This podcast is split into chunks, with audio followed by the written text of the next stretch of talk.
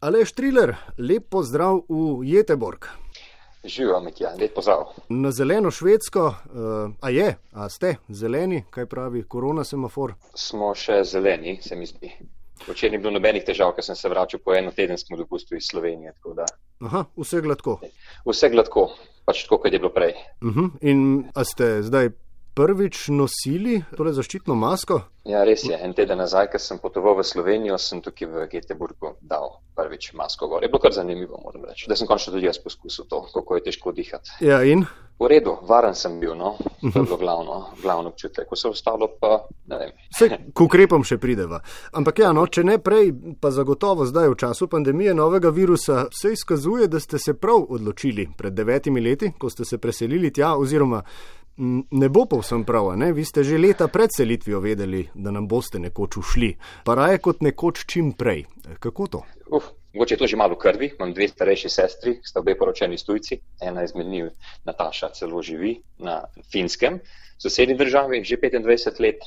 Potem pa ja, želja po naučiti se enega tujega jezika in ga istočasno tudi uporabljati. Potem študirati v tujini, kot Erasmus študent sem namreč eh, prišel na Švedsko eh, na začetku pa potem imel sem občutek rahle utesnjenosti oziroma soul searching, kot se temu reče, mogoče od začetka skozi najstniška leta in potem eh, v petih letih, ker sem živel v Portorožu in študiral na fakulteti za pomorstvo in promet. Nekaj je klicalo po tujini znotraj mene, tako da zaradi tega Močno se mi je vtisnila v spomin uh, vaša jedrnata, pa vendarle ne preveč povedna misel med dogovarjanjem za tale pogovor, da razlogi za to, da ste se preselili, niso enaki tem, zaradi katerih ste ostali. Lahko torej poveste več o teh drugih? Ja, mogoče bi tako rekel.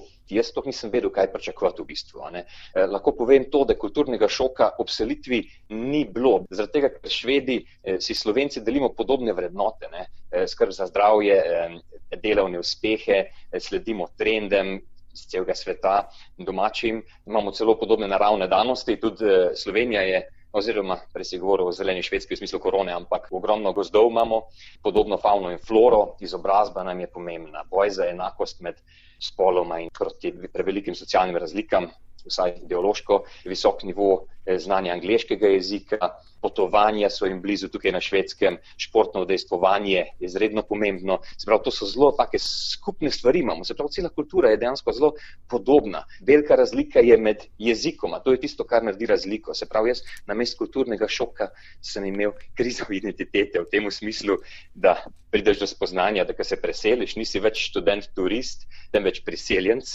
ker ne znaš jezika, in ti to tudi nekako občutek, ki ga dobivaš iz okolja, sporoča. Nimaš službe, nimaš družine več, nimaš prijateljev, starih iz otroštva in kasnejših, nimaš poznanstev, kontaktov, spominov na okolje in nekega občutka varnosti. Povezanosti z okoljem. Zaprav, še zavedanje, da tega pač ni, ni bilo na začetku. Malo pač naivno sem se vrgel in šel ven, star 25 let. Zdaj, zakaj ostajam? Ne, to je pač mislim, da tukaj noter se nekako skriva vse ta odgovor. Vse to, česar ni bilo, sem tukaj zdaj na novo zgradil in me to nekako veže na, na švedsko, mogoče sploh na Göteborg, tega, ker sem tukaj doživel veliko uh mhm. -huh. eh, stvari. Ne. Ste takoj po selitvi našli službo, pa partnerko in stanovanje in zdaj verjetno že otroci in kakor to pač gre, ali je šlo kako drugače? Eh, oj, veliko stvari se je spremenilo, ampak na začetku sem res imel punco, službo sem našel po pol leta. Imel sem zelo veliko delovno zagnanost, ker tukaj mogoče ni cenjena tok na švedskem. Oni imajo nek nenapisan zakon, oziroma izraz, ki se imenuje lagom. To je, da je pač treba za vse svoj čas in srednjo pot izbrati pri stvarih. Jaz sem bil zelo zagnan, e, sicer v tisti službi mi je šlo dobro, po treh letih sem spoznal, da v tistem mestu, kjer sem se najprej selil, v Linšepin, kjer sem tudi študiral, ne bi živel in sem pustil službo in eh, tudi pusto takrat dekle, pač prav zaradi te osebne preobrazbe in se selil v Göteborg, v mesto na vzhodu. Mm, kaj vas je utesnjevalo in tam? Sam sebe. sam sebe zaradi eh, starih prepričanj, kaj prenaša srečo, uspeh, zadovoljstvo, zdravje in tako naprej. Se pravi, prva štiri leta so bila malo bolj taka krizna, potem sem se pa skozi, ah, kot ti bom rekel, gled, par čustvenih izbruhov, nova spoznanja in tako naprej.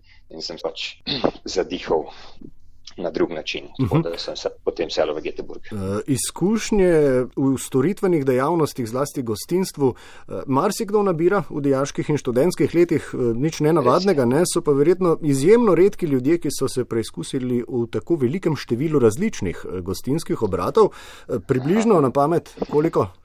Aha, jaz sem tukaj v Göteborgu, se pravi, ja, delo v ogromnih, verjetno nekih več kot 40 različnih no, uh, gostinskih obratov. No. Delal sem vse od eh, begunskega tabora leta 2016, kjer sem postregal nekih 300 sirijskih najstnikov, pa do privat večerje Nobelovega nagrajenca, a la carte restauracij, šovov, delal sem tudi kot pomoč, pomočnik v kuhinji, v ogromnih hotelih, ogromno bi vzelo, da bi naštel vse te dogodivščine.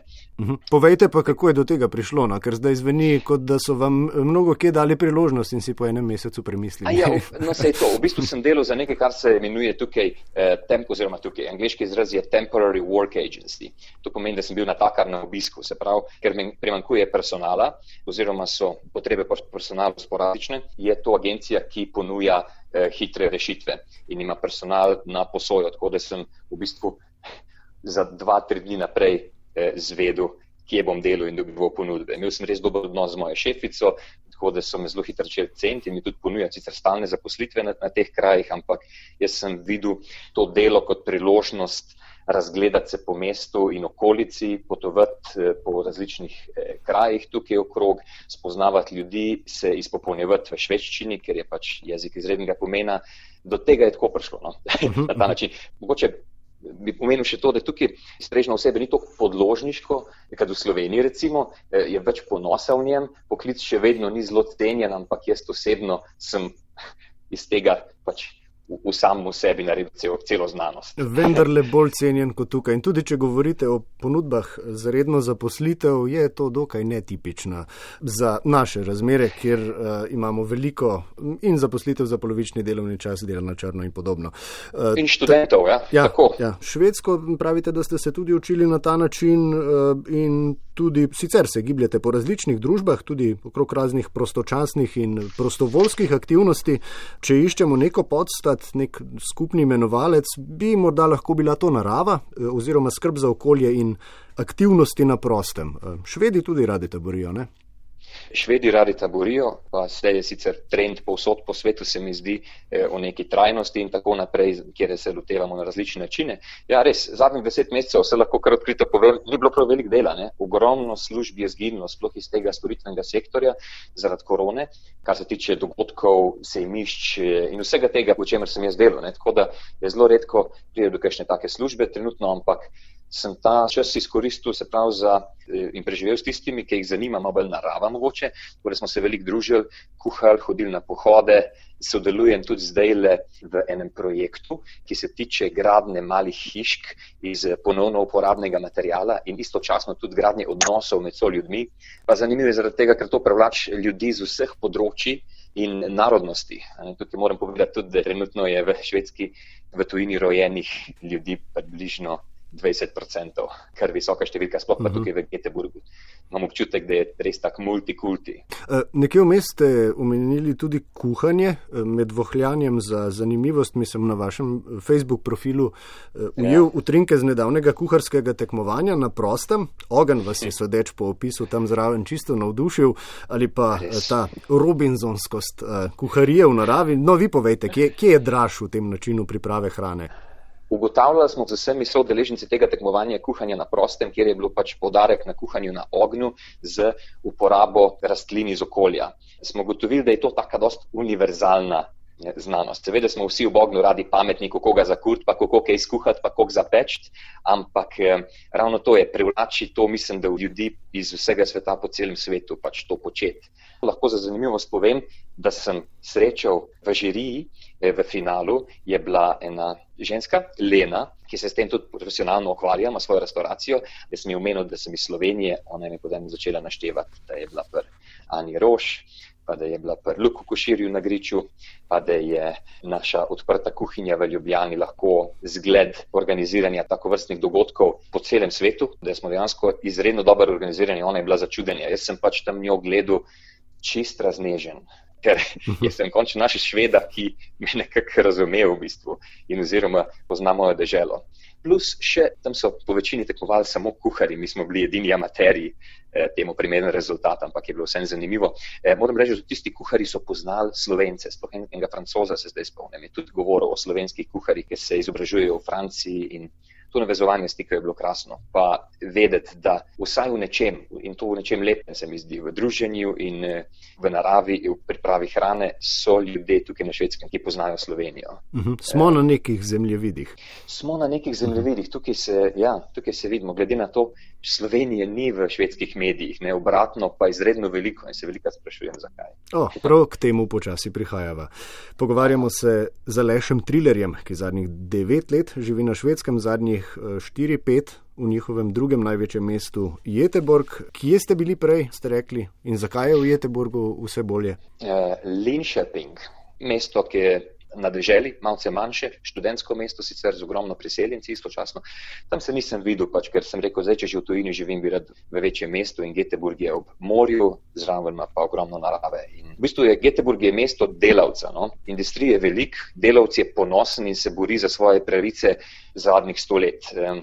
Mesto praznuje naslednjo leto 400 let, so ga včasih klicali Novi Amsterdam, ker so ga pomagali graditi gradbinci iz Amsterdama.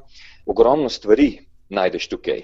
Od Volva do te tovarne krožličnih ležajev, SKF, ki je privlačila ogromno delovne sile tudi iz eh, bivše Jugoslavije. Imamo zabavični park, največji na švedskem, Liceberi, dve univerzi, eh, zdravilišča, hotele, raziskovalne inštitute in pa seveda ogromno pristanišče. Mislim, da ima za, na, tukaj na severu največjo prehod blaga in pa pestro kulturno in nočno življenje bi tudi omenil tukaj. Ja. Alež, to je bilo kakor iz brošure. Sem hotel vprašati že, če ste kdaj delali kot turistični vodič. A ja, a sem vsak, dan, vsak dan sem v mestu, če ti povem, vsak dan sem v mestu in živim tukaj v nekih starih stanovanjih, ki so čisto v centru, v neposredni bližini tega zabaviščnega centra in tega sejmiščnega centra, največjega v Skandinaviji.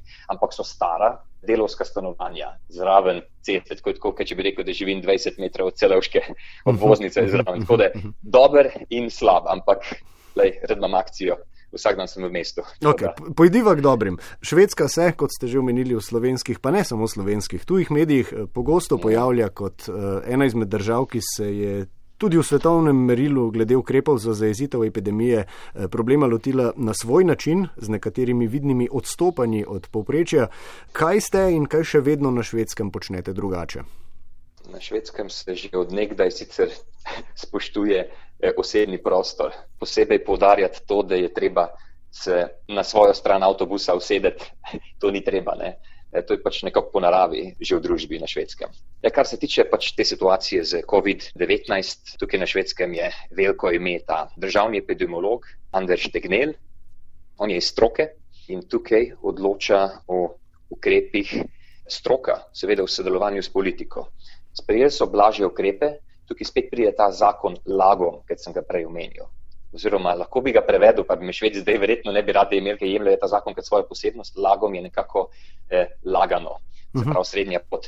Sprejeli so blažje ukrepe, mogoče malo bolj počas, ljudem pa predvsem svetujejo, kako ravnati. Ljudje pa znajo poslušati, zaradi tega, ker tudi en, to je ena izmed tipičnosti švedske družbe, ne spodobi se štrlet ven. Potem pa govori Jante Lagen oziroma zakon Jante, da ne smeš štrleti ven. Torej, ne nosimo mask. Imamo pa na vseh teh okencih, recimo v trgovinah in tako naprej, zaščitna stekla na javnih eh, prevoznih sredstvih, se pravi tramvaju pa avtobusih je zaprt vhod pri vozniku, pa prve dve vrsti od spredaj, da so oni zaščiteni nekako. Na tleh so črte, ki upozarjajo na razdaljo, posod najdemo desinfekcijska sredstva, robčke. Za varnost je poskrbljeno. Zdaj se računa na ljudje, da bodo uporabljali zdravo kmečko pamet, oziroma v tem primeru so to navodila tega Andreša Tegnela in, in ostalih, in mogoče politike. No, ampak dobro, zdrava kmečka pamet zna slediti strokovnim navodilom, brez pretiranega preopraševanja in skepse, si predstavljam, teoretsko zarotniške, recimo. Recimo temu, ne. seveda, vedno se najde nekdo, ki dvomi vse skupaj, vedno se najde nekdo, ki ne spoštuje tega, ampak na ta zga se mogoče ne gre ravno s palco. Ampak ga že ostali so državljani, so ljudje z malce po stran pogledajo mogoče. Uh -huh, uh -huh. To pa delamo tudi pri nas doma. Sej, no, no, prav, to... da, drug drugega, da drug drugega opozarjamo, je lepo, sej ni nič narobe. Da, v tem smo še kar močni. Uh, omenjate, torej, omenjate torej nacionalni karakter oziroma temperament, morda bolje, ne, ki tudi vpliva na potek družbenega življenja z virusom. Kaj pa onkraj virusa, a obstaja? Karkoli, kar zadeva družbeni karakter in vaše druženje z ljudmi ne, in vse, kar ga sooblikuje. Kar ste imeli in imamo v Sloveniji, pa ste začeli eh, ceniti šele v pogledu od zunaj. Seveda, človek pogreša najprej svojo družino, človek pogreša prijatelje, nek občutek eh, varnosti in tizga spomina od otroštva mogoče.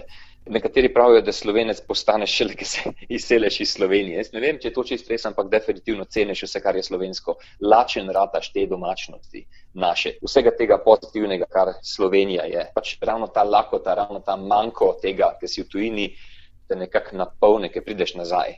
Veš, kje je to iskati tudi mogoče. Ne? Bolj me zanimajo slovenski kraji, bolj me zgodovina mogoče zanima. Mogoče imam tudi drug pogled na vse te stvari, kaj pa vem. V glavnem prejšnji teden v Sloveniji ste se najedli. Ojoj, zelo. Čist po slovensko sem se najedel in nadružil. Zdaj je jesen, hladni večeri, zgradil sem eno tako ognišče doma in sem eh, povabil prijatelje, sedeli smo ob ognju, kuhali in se zabavali. Aleš Triler, hvala, da ste delili svojo zgodbo z nami. Lepo je bilo z vami poklepetati v globalni vasi. Lepo zdrav v Jeteborg in vse dobro. Mitja, najlepša hvala tebi za pogovor. Lepo zdrav, Ljubljano.